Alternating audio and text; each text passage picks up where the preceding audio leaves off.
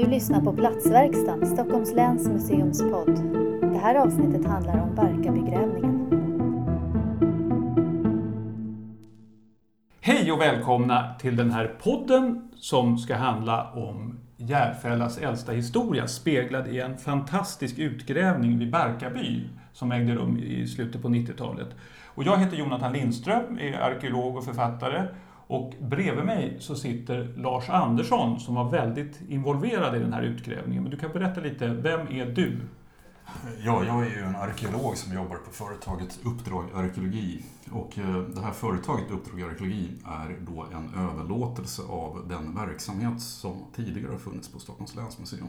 Och eh, Jonathan och jag har ju jobbat eh, tillsammans under ganska tidiga år på 90-talet. 94 till, eh, jag kommer inte ihåg hur långt fram det var. Flera år Ja, flera år. Och vi har ju bland annat då jobbat här just i Barkarby, och som ju är en fantastisk plats där vi kan följa Järfällas historia, åtminstone från bronsålder fram till och med nutid.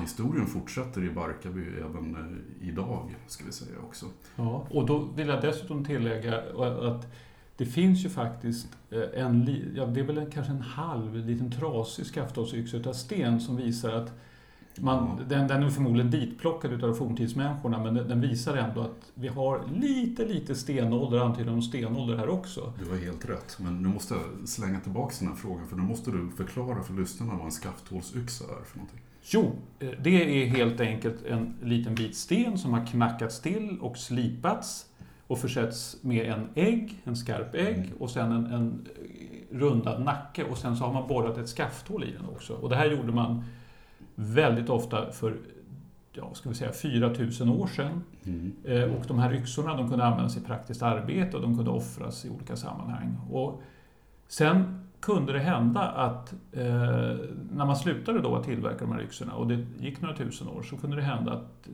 till exempel vikingatida bönder när de hittade de här yxorna så tänkte de att aha, det här var något mystiskt föremål. Det kanske är en åskkil.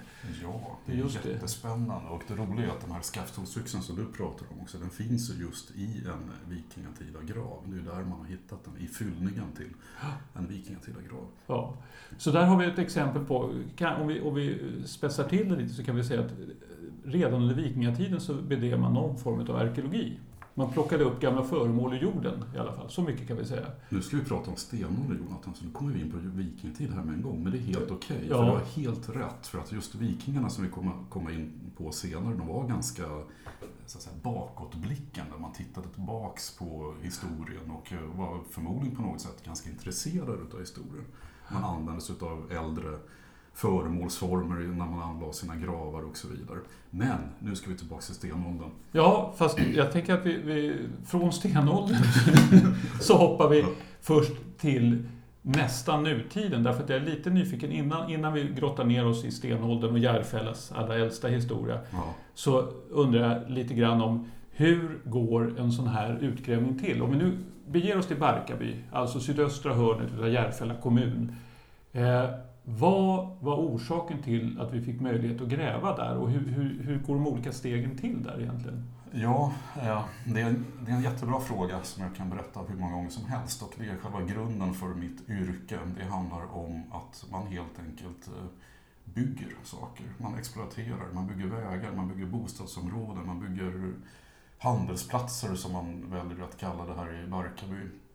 Och det är själva anledningen till att man skulle bygga på den här platsen. Eh, Det är därför vi så att säga, grävde och gjorde de här arkeologiska undersökningarna på den här platsen. Det är basen för de flesta arkeologers yrke. Är du en byggherre, är du någon som vill bygga en väg eller bygga ett bostadsområde så eh, måste du bekosta en arkeologisk undersökning om det behövs, om det finns fornlämningar på, på platsen. Och det här är, vi, vi, vi är så att säga etablerade i den här byggindustrin kan man säga som arkeologer. Och där jobbar ju då vi i, inom Uppdrag Arkeologi i, i den här branschen också. Och då eh, ska jag bara fråga kort, eh, på den här platsen, om man, om man ska eh, veta exakt var någonstans vi befinner oss, förutom Barkarby då, Ja. så är det alltså i korsningen mellan Viksjöleden och Enköpingsvägen.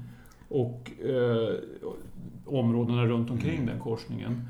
Men då undrar eh, och det är alltså precis, man kan se platsen från E18 när man svischar förbi också. Just det. Eh, och då undrar jag eh, lite grann, vad finns på platsen där nu? Ja, större delen av den här ytan täcks just utav en, en väg helt enkelt kan man säga. Och sen så är det delar utav det här köpområdet kan vi säga som finns. Men faktum är att en, en del utav platsen är ännu så länge inte bebyggd. Och det är platsen precis direkt öster, alltså till höger om man kör i nordlig riktning, från eh, motorvägen E18.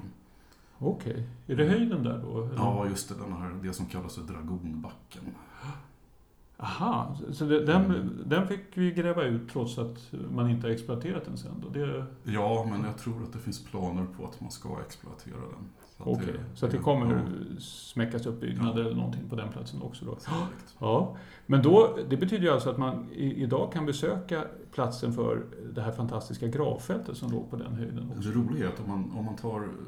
ja, Det finns en rondell när man kommer från Viksjöleden och kommer in mot det här köpområdet, det här köpcentret. Så finns det en rondell som man måste köra runt i också. Och precis mitt i den rondellen så fanns det en väldigt, väldigt spännande anläggning.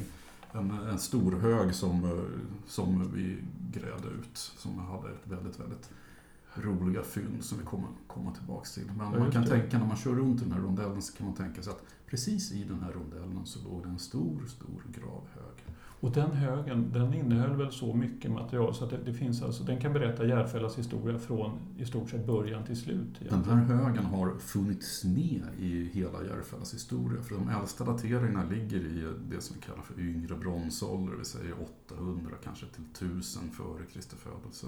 Och så finns det, den är påbyggd i flera omgångar, så det finns lämningar ända fram till åtminstone vikingatid. Men sen så verkar det som att man överger högen, men man överger dock inte platsen.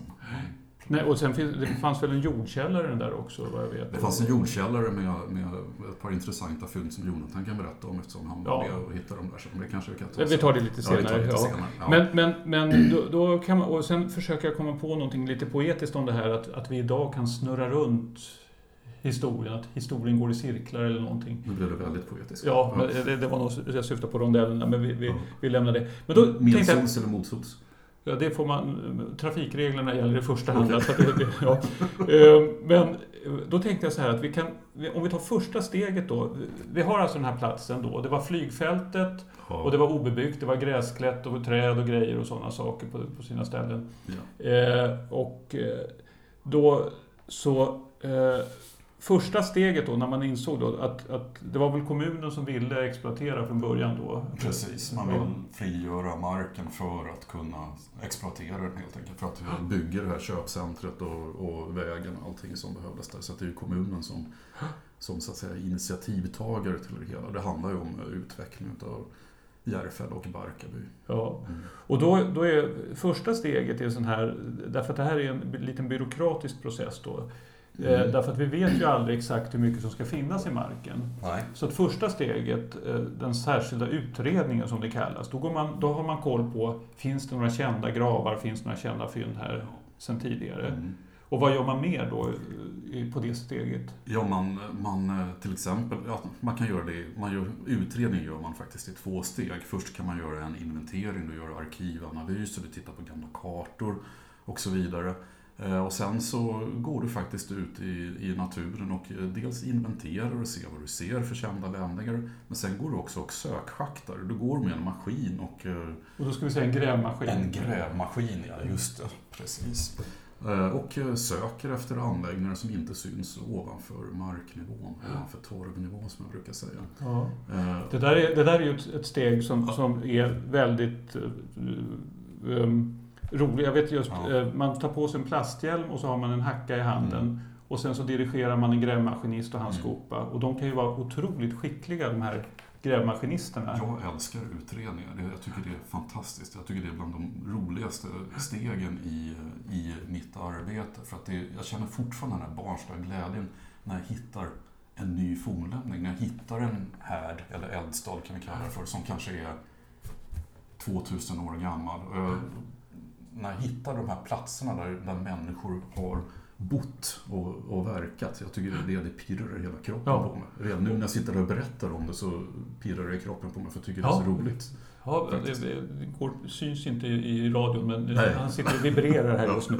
Jo, men då, då, då, då är det här att skopan, alltså grävmaskinisten måste ju vara... Det är inte alla grävmaskinister som, som är inställda på det här, men de, de skickliga grävmaskinisterna det finns ju sådana som deltar i tävlingar där de sätter fast en liten tändsticka på skopan och så kan de med, med skopans hjälp tända tändstickan genom att dra den mot ett plån. Ja, Och det, det kräver alltså millimeterprecision. ja, Och eh, när de gräver då åt oss, då, då handlar det dels de först sk- skalar de av grästorven och sen skrapar de igen och så kommer man ner i slät lera. mm, Och sen gäller det att de tar ganska tunna skikt då. mm. Och sen så kommer det där underbara när man kommer ner under matjordslagret som kan innehålla diverse skräp då, modernt skräp, tegel och annat och sånt där. Så kommer man ner i lite ljusare jord så småningom. Och då, vad händer där om man har tur? Då kan det komma en svart fläck. Ja! Lite skärvig sten eller någonting sånt. Ja, och det är fantastiskt roligt. En svart fläck. Ja, ja. någon anomali, någon avvikelse som Ja. kan komma som, eh, som gör att du du kan se att det här är inte natur utan det här är någonting som människan har varit med om att skapa och tillverka. Nu beskrev du en viss typ av schaktning som lät ganska mycket som man schaktar i åkermark men det kan ju vara som att du är i skogsmark och då, har du lite en annan eh, så att säga, jordmånsbildning och sånt där. Ja, och det kan ligga moränstenar och grejer och sånt där. Så Ja, det är rätt precis. bökigt då. Ja, Ja, en men desto skickligare måste maskinisten vara. Absolut, så nu har man ju då så att säga ett utvecklat kontaktnät så att vi känner ju maskinister. Vi vet ju så att säga oftast vilka vi, vi kan använda så att säga. Och de här svarta fläckarna då, de, de, det handlar ju alltså oftast om eldstäder. Ja. Att, man, att det är någon som har varit där och grävt. Därför att eh, under forntiden, ja, de, de eldade säkert direkt på marken också, men de var hyggliga nog att gräva grunda gropar Ja, och elda i. Vilket gör att Ja. det här nedre lagret med sot och Mm. sönderbränd sten bevaras. Mm. Eh, Så att där får man ju en väldigt tydlig indikation. Eh, Enda nackdelen med de där är att de, de är lite anonyma. Så helst ska man ju hitta någonting mer. Helst vill man ju hitta då eh, någonting som kanske är lite mer avancerade konstruktioner och då kommer vi till den här mycket, mycket spännande anläggningen stolphål. Ja. Som nu då är så att säga markeringar eller alltså märkena, resterna utav platser där du har rest stolpar eh, under forntiden. Och kan, man kan bli lurad för ett stolphål kan, eh, kan se likadant ut 1890 som det gjorde 1000 eh, före Kristi födelse. Eh, Men stolphålen, om man hittar dem i fina strukturer så kan man så att säga tolka dem som eh, delar utav byggnader, utav hus helt enkelt från, Ja. från den här tiden. Och där har vi världens äldsta eh, arkeologskämt, nämligen Titta, två stolphål på rad. Ja! Och där måste vi be lyssnaren att tänka efter lite. Att, att Mm. Rent, Euklides skulle hålla med att två stolpar kan ju alltid stå i rad. Så Ja, det krävs tre stolpar för, Ja. för att man ska... Men faktum är att jag har varit med om den psykologiska Ja. effekten, att man hittar två stolpar och känner att de där är på rad. Men om du har tre stolpar så kan det också vara så att du har två stolpar som ja, då står på rad. Eller vi säger så, men du har två stolpar helt enkelt. Sen kan du ha en vinkel med en tredje stolpe som kanske ligger i, så att du kan skapa liksom en 90 graders eh, eh, vinkel och då kan man också börja bli lite misstänksam Ja. om man kanske vill Ja. leta efter det fjärde. Just det. och. För då är man vanligtvis Ja. på, väg mot eh, någon huskonstruktion. Och sen Ja. är det så att de kan naturligtvis vara från historisk tid, från Ja. 1800-talet så. Mm. Men eftersom man byggde hus och la dem på syllsten under historisk tid Mm. så är, är stolphål väldigt sällsynta från senare tider. Ja, i alla fall inomhus, men det finns ju gärdsgårdar och det finns Ja, ju men då är det så staket och små stolphål vanligtvis. Ja, Ja. Det finns nämligen olika sorters stolphål också Ja. och olika storlekar. Mm. De största jag känner till för stunden, det är väl de där utanför Gamla Uppsala. Ja, En och en halv meter breda vissa grupper. Ja, skåningarna brukar ju vara värst också. Där, där finns det ju alltså, stolphål som jag vet själv att man har kunnat klämma ner en människa. Alltså man kan hoppa Ja. ner i stolphålet och du... du Okej, men det, det, ja, ja, de, de har, är väl lite kontinentalt Ja. påverkade, lite skrytiga. Då pratar man väldigt, konstruktioner. väldigt stora byggnader Ja, också. Så att, att eh, det finns, det, alltså det, det, det vi understryker här, det är det underbara i att schakta eh, i samband med en särskild utredning. Ja. Och en utredning den syftar ju till att ta reda på om det finns en fornlämning. Så att egentligen ser det så att när jag har hittat någonting som jag är säker på att det här är en fornlämning, då kan jag stanna vid utredningen oftast och då vidtar nästa steg. Ja, men då måste jag fråga dig då, i Barkarby just då, eh, där visste vi ju från början att det fanns ett gravfält uppe Ja. på Dragonbacken och det syns ju. Det är kullar, eh, små gräsklädda kullar och annat och stenar som sticker upp. Men eh, det här med att schakta, var gjorde vi det någonstans?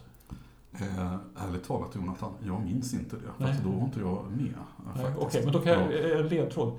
Jag tror vi gjorde det i marken intill. och, eh. På, på, ja, förlåt. Och eh, vi, vi schaktade på, på eh, båda sidorna utav Enköpings, gamla Enköpingsvägen då. Mm.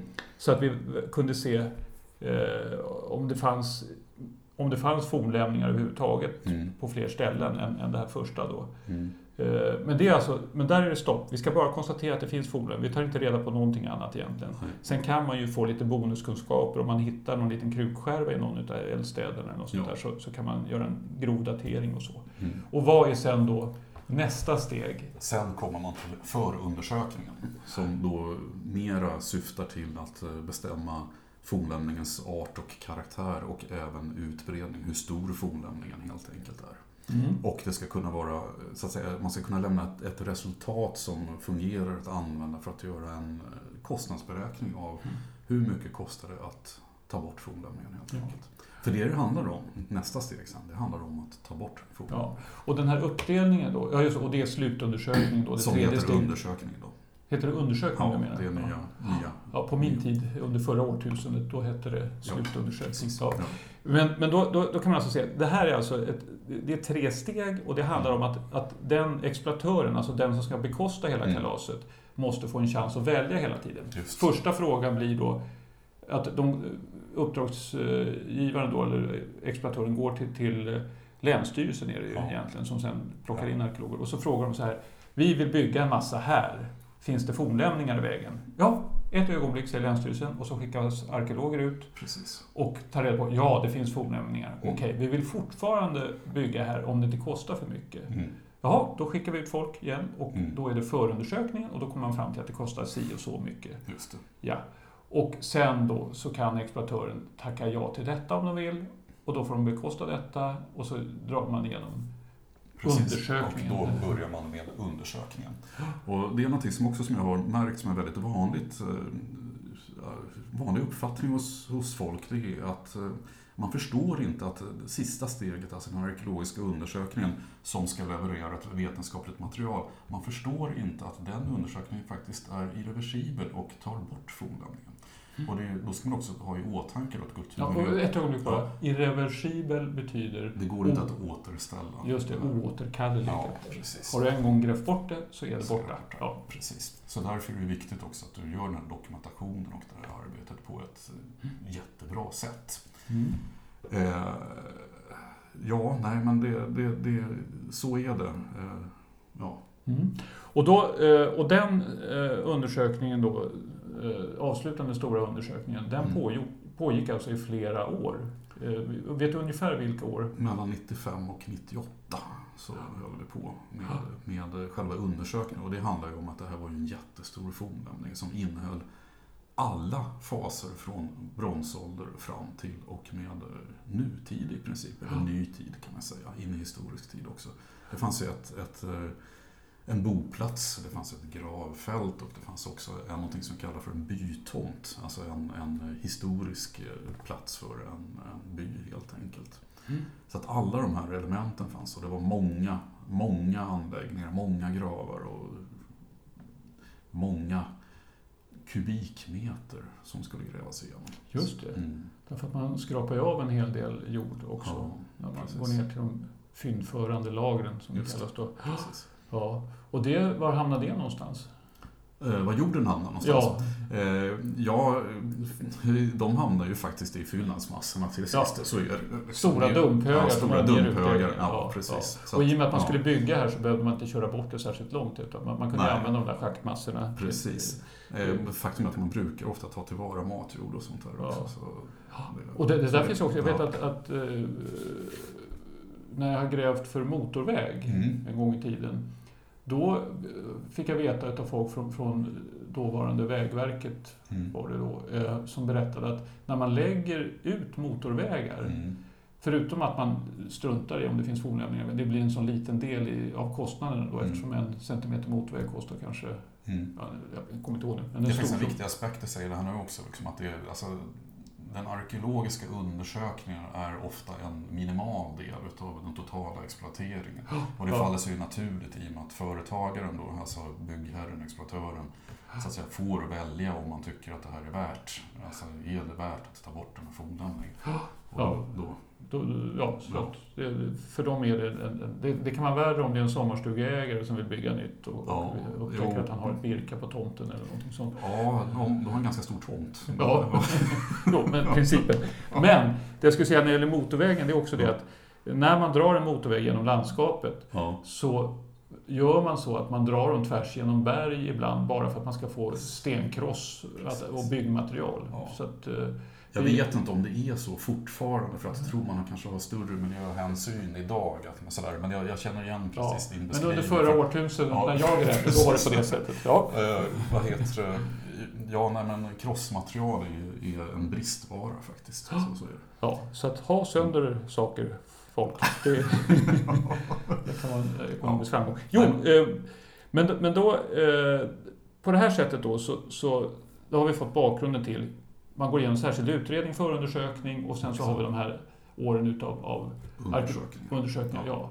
Mm. Och då finns det ju den här underbara, stressiga etableringsfasen. Mm. För vad är det som behövs på en utgrävning? Förutom att du ska ha fyllhammare och norgehackor.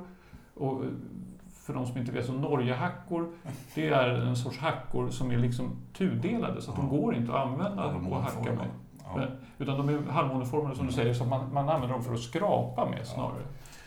Eh, och fyndpinnar, eh, toalettpapper, eh, Att leda en undersökning är, kan vara, om det är en stor undersökning, en väldigt stor affär. Så att säga. Och eh, de som leder undersökningarna, som Jonathan och jag, det är, det är ju ofta erfarna projektledare som är vana att hantera mycket personal. Och det är ju, det är ju liksom ofta ganska bråttom och det är, det är en ganska avancerad logistik för att liksom kunna helt enkelt få den här affären och den här undersökningen i hamn helt enkelt. Så att det, det, det behövs jättemycket. Folk måste ju ha någonstans att, liksom, ja, det är precis som i vilken bygg, byggarbetsplats som helst. Du måste ha någonstans där du kan duscha efteråt kanske om du har en stor undersökning. Du måste ha någonstans där du kan eh, ja, vila och äta lunch och, Ja. och, och så. personalbodar och där man kan Personalbodar, byta om och ja, äta lunchen ja, som du säger. allt- laga allt- till maten Ja, laga till mat. Allting är omgärdat utav en lagstiftning också. Och sen så ska du Mm. ha, ha eh, toaletter, Toaletter, ja. du ska ha precis. redskapsskjul Ja. eh, och ibland måste man stängsla in boplatsen också. Absolut. Eller utgrävningsplatsen ska jag säga. Ja, Det- så är det. Det, det, det, det blir som en byggarbetsplats helt enkelt. Så är det. Ja. Men sen, sen ska man också då i samband med det här då, någonting som du kanske inte behöver göra i eh, en byggarbetsplats, så ska du också eh, sköta publika insatser. Det ställs som ett krav i dagens undersökning. Du ska kunna kanske ta emot visningar, hålla visningar och, och förmedla det här resultatet på ett populärt sätt till allmänheten helt Ja. enkelt. Det, Och det, ja. ja, det är viktigt. Och det, och det finns sådana saker som handikappanpassning och sånt också. Att man ska se till att, det går, att den ska vara tillgänglig, att man ska Ja. kunna släppa fram folk. Och det där, I och med att utgrävningen förändras hela tiden så det- kan det vara väldigt svårt ibland att... att, att Ja, eh, men vi ibland, kan försöker. det, ja. ibland kan det vara omöjligt. Det beror på, i och med att, precis som du säger, att utgrävningen förändras. Alltså det, den, den yta som finns en dag kan en vecka senare kanske helt enkelt vara borttagen. Helt enkelt för att man har grävt, grävt bort den. Och sen har vi det här som är lite svårare att planera och det är vädret. Vädret Ja. är...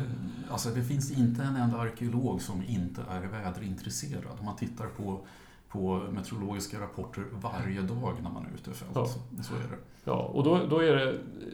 Alla väder kan vara bra, alla väder kan vara dåliga. Ja. Men, men jag skulle säga att det, det exemplariska vädret, det är rumstempererat Mm.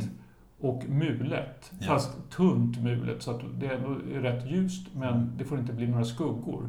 Därför att då ser vi fornlämningarna bäst och de här underbara små svarta fläckarna som du nämnde. För Ja. de kan ibland vara ljusgrå och då kan det vara lite svårare att urskilja. Ja. Eh, så att, Och det finns andra anläggningar än stålpål och härdar ja, också. Som det gäller. Och, och, det är också det där roliga med, med arkeologi, och det har jag tänkt varenda grävningssäsong, att man går ut och gräver och är lycklig och glad och känner att jag kan hitta precis vad som helst. Mm. Och sen går dagarna, man kanske inte hittar någonting, men det kommer, det kommer så småningom. Och sen börjar man närma sig hösten, det kanske inte har kommit så mycket då heller. Men det finns fortfarande en chans, när du och jag grävde dödshuset i, i Turinge till exempel, det Ja. dök ju upp några dagar innan vi skulle packa ihop. I princip. Vi Precis. fick ju förlänga grävningen Ja. Men Mm. Även om det visar sig att man på sista dagen inte har hittat någonting, nu kanske inte det har hänt sådär väldigt ofta, då är det ändå väldigt skoj för då längtar man inomhus något innerligt. Så då, då, då är man lika glad ändå att få komma inomhus. Det här är världens bästa yrke. Ja, Men det är ju så. ja, ja Alltså, man får jag- motion på, på sommarhalvåret och Ja. får sitta in och pula på, på Och vinterhalvåret. just kombinationen mellan att eh, ha den här fältsituationen där du kan vara extremt nyfiken och så kommer du in och kan få sitta och skriva rapporterna över det du har gjort ute i fält. Men du kan fortfarande behålla din nyfikenhet. Det här är världens bästa jobb. Ja, ja. Ja. Och kan säga, det, det, är, det, när jag slutade gräva och blev författare, eh, Ja. då gick jag upp 15 kilo och fick väldigt dålig hållning. Så det, det här arkeologi är, om man bara klär på sig ordentligt när, under kalla dagar, därför att jag har grävt också under snöfall med, snö, på snöstäckt mark med ficklampa i, i mörker. Jag, jag känner igen situationen. Ja, så, så, men bara man sköter sin hälsa så, så, så är väl arkeologi fantastiskt på det sättet också. Ja. Att, att man, man håller sig trim. Man måste hålla sig trygg. Ja, just det. Men du, eh, vi kommer säkert kunna komma tillbaka till olika episoder när det gäller det här utgrävandet. Men Mm. jag tänkte att vi skulle avsluta den här första delen. Vi kommer ju göra fyra delar här nu. Eh, med att prata lite grann om den allra äldsta tiden. Ja, Och då- in till stenåldern nu. Ja, och då är det ju så här att, att just den delen är lite dåligt företrädd här på Barkarbygrävning. Vi hade den där lilla trasiga skaftålsyxan från stenåldern som är alltså 4000 år gammal. Precis. Och då är det som så att Järfälla är en, det kan väl, en liten skön omskrivning är väl att man kan betrakta Järfälla som en modern kommun. Med tyngdpunkten i det moderna. Därför att Ja. Eh, hittills, vad vi vet, så har man väl egentligen inte hittat någon tydlig stenåldersboplats. Nej, mig, mig veterligen så finns det ingen känd stenåldersboplats. Men däremot så finns det ett antal eh, stenåldersfynd och då handlar det mest om eh, så kallade lösfynd som, han, som utgörs av stenyxor helt enkelt. Som liknar den här skafthålsyxan som vi hittat i Barkarby. Eh, och eh, ja, det, koncentrationen av de här stenåldersyxorna tycks främst ligga runt Skälby. Som Ja. ligger då alltså, i södra Järfälla. Inte så långt från Barkarby. faktiskt. Inte så långt från Barkarby. Men, och, och man måste också säga att rent generellt sett så är just alltså området kring Järfälla kyrka och Barkarby är ju eh, så att säga, de centrala delarna utav kommunen och verkar alltid ha varit så. Det verkar som inte Järfälla har växt ut därifrån. Kanske redan på stenåldern. Nej, Ja. det drar det för långt. Ja, men, men, eh, Ja, och, och nu Ja. nämnde du stenyxorna och eftersom jag Mm. har vikt en stor del av mitt liv åt stenyxor. Ja, eh, jag själv är mest järnålders. Ja, ja just det, ska vi säga också då. Att, Ja. att, att vi har lite olika tyngdpunkt i historien. Mm. Min Precis. tid var är mycket mer avlägsen, man ska säga. Ja, vad sa du? Började vid Big Bang? Vad sa du? 13 Ja, ja, ja, ja, jo, jag, i och för sig, jag börjar gärna med Ja. Big Bang. Men nu, nu kommer vi köra Mm. Järfällas historia. Vi kanske börjar lite senare än, Big Bang då, Ja. för 13,8 miljarder år sedan. Eh, utan det man ser då när man tittar på de här stenyxorna, det är att de är alla utav en typ som kommer från en ganska sen del av stenåldern. Nämligen det som vi arkeologer kallar för seniolitikum, som ligger 4000 år tillbaka. Och så finns det någon enstaka äldre yxa. Eh, och de vet vi inte riktigt var, varför de har hamnat där. Så att, eh, om vi ska ta den allra äldsta historien snabbt då, när människor kom till Järfälla överhuvudtaget första gången, så har vi ju eh, den högsta punkten i Järfälla, Hummelmoraberget, som är strax under 70 meter högt. Då. 67,4 påstår någon, men det där varierar ju lite grann Mm. antagligen.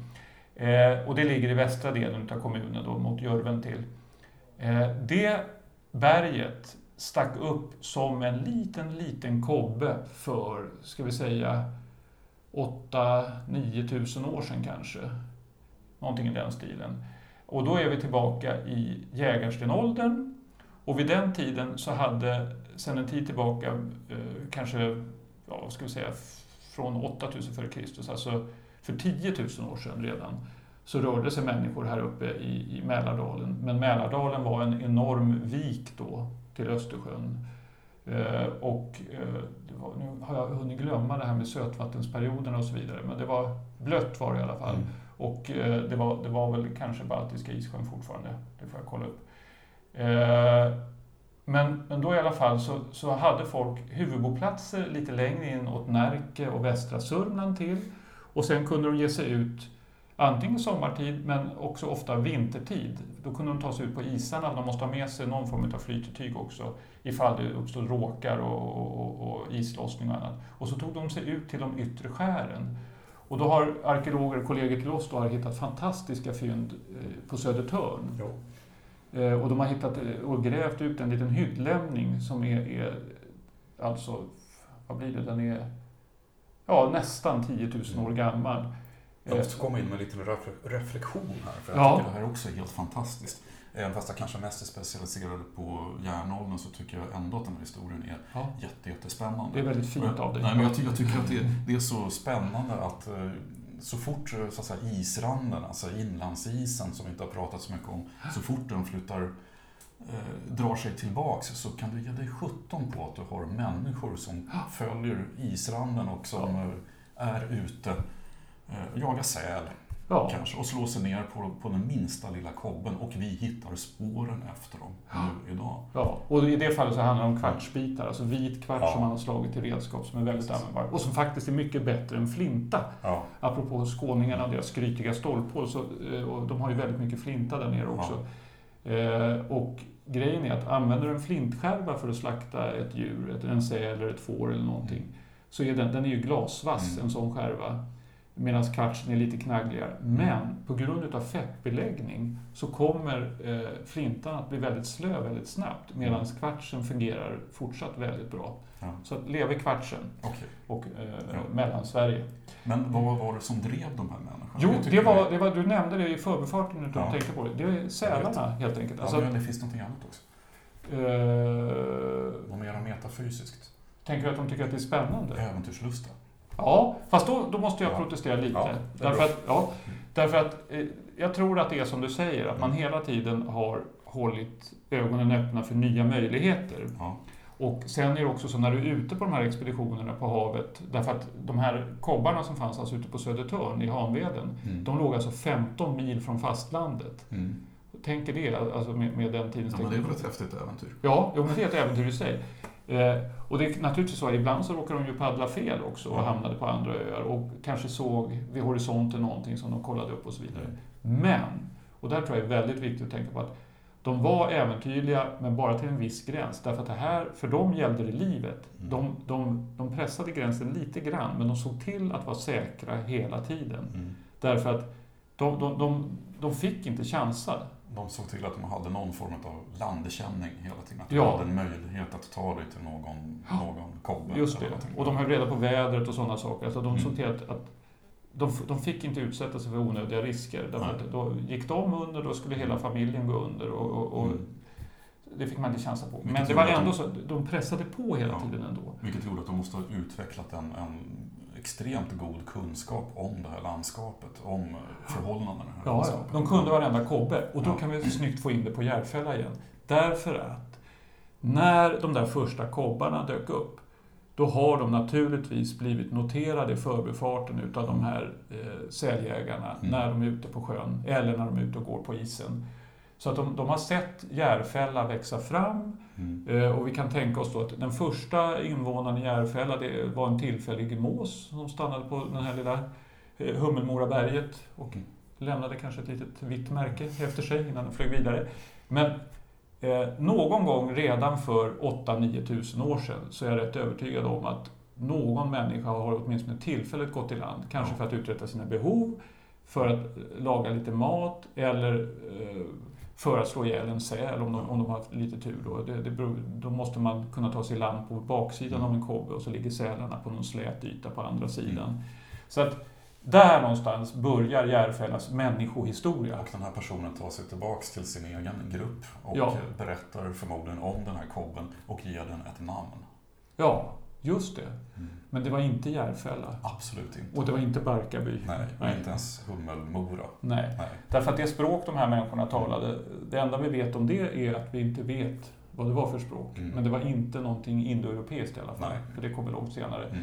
Eh, så att på det här sättet så, så, så har liksom Järfälla då, när, när den stiger ur havet, eh, så, så kan man se hur eh, så kan man se hur, hur eh, om man tittar på kartor från eh, stenåldern och framåt så kan man se hur gradvis hur, hur Järfälla växer fram. Att det dyker upp en liten holme där i Hummelmora-trakten och, som säkert har blivit besökt tidigt. Men sen så dyker det upp då fläckvis Mm. små skär här och där. Och gradvis, gradvis så blir Järfälla mer och mer intressant att besöka säsongsvis.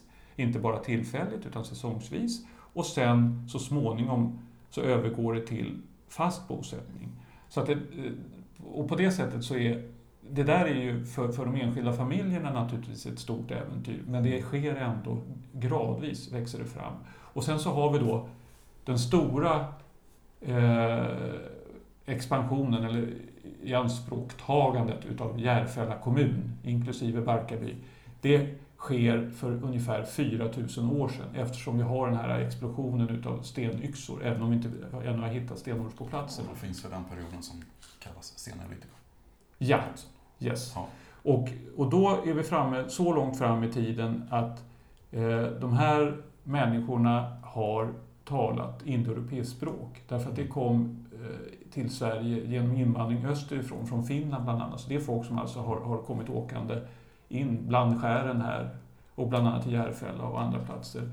Eh, Stridsyxingarna som jag brukar kalla dem, men alltså de tillhörde något som kallas för stridsyxekulturen. Och eh, de hade dessutom, de talade alltså en tidig form av indoeuropeiska, det som senare utvecklats till de moderna indoeuropeiska språken, som bland annat svenska. Och jag kan faktiskt lite, lite grann eh, citera dem, höll jag på att säga, när de kom hit. Vi tänker att de sitter i någon båt och räknar kobbarna. Mm. Vi skulle säga en, två, tre. Och vad de troligen sa, och nu har jag eh, konsulterat eh, professor Jenny Larsson som är en hejare på utdöda språk. De sa förmodligen oinos, duos, treis. Mm. Och det, man hör ju att det, det Man hör det mycket tydligt. ja. Mm. Så att, eh, och sen har folk suttit och räknat genom 4000 år till denna dag och så har det förskjutits lite hela tiden. Så att eh, där har vi då eh, den, den, det var lite mycket snabba grova drag hur Järfälla blev en plats för människor. Eh, och de hade väl ingen kommunalfullmäktige på den tiden men, men de måste ändå ha haft sociala organisationer och då kanske det var så att de, de samlades på någon plats i centrala Järfälla någon gång om året. Eller om de hängde ihop med Mm. grannkommunerna på den tiden för man var ju ganska glesbebodda. Mm. Ja, så att, eh, där har vi starten. Och då innebär det att i nästa program så kommer vi kunna eh, gå in på själva utgrävningen. För då kommer vi in i nästa period. Och vad är det för period? Eh, Ja, nästa period så ska vi då, eh, om vi ska följa ordning, så ska vi prata bland annat om bronsålder. Ja. Och det är ju då egentligen som platsen just vid Barkarby, det är då den börjar få betydelse kan man säga. Och då ses vi då. Ja, vi ses då helt enkelt. Eller hörs kanske. Ja. Ja, Okej. Ja. Hej! Du har lyssnat på Platsverkstan, en podd producerad av Stockholms läns museum. Vill du veta mer om oss och hitta fler avsnitt? Gå in på stockholmslansmuseum.se.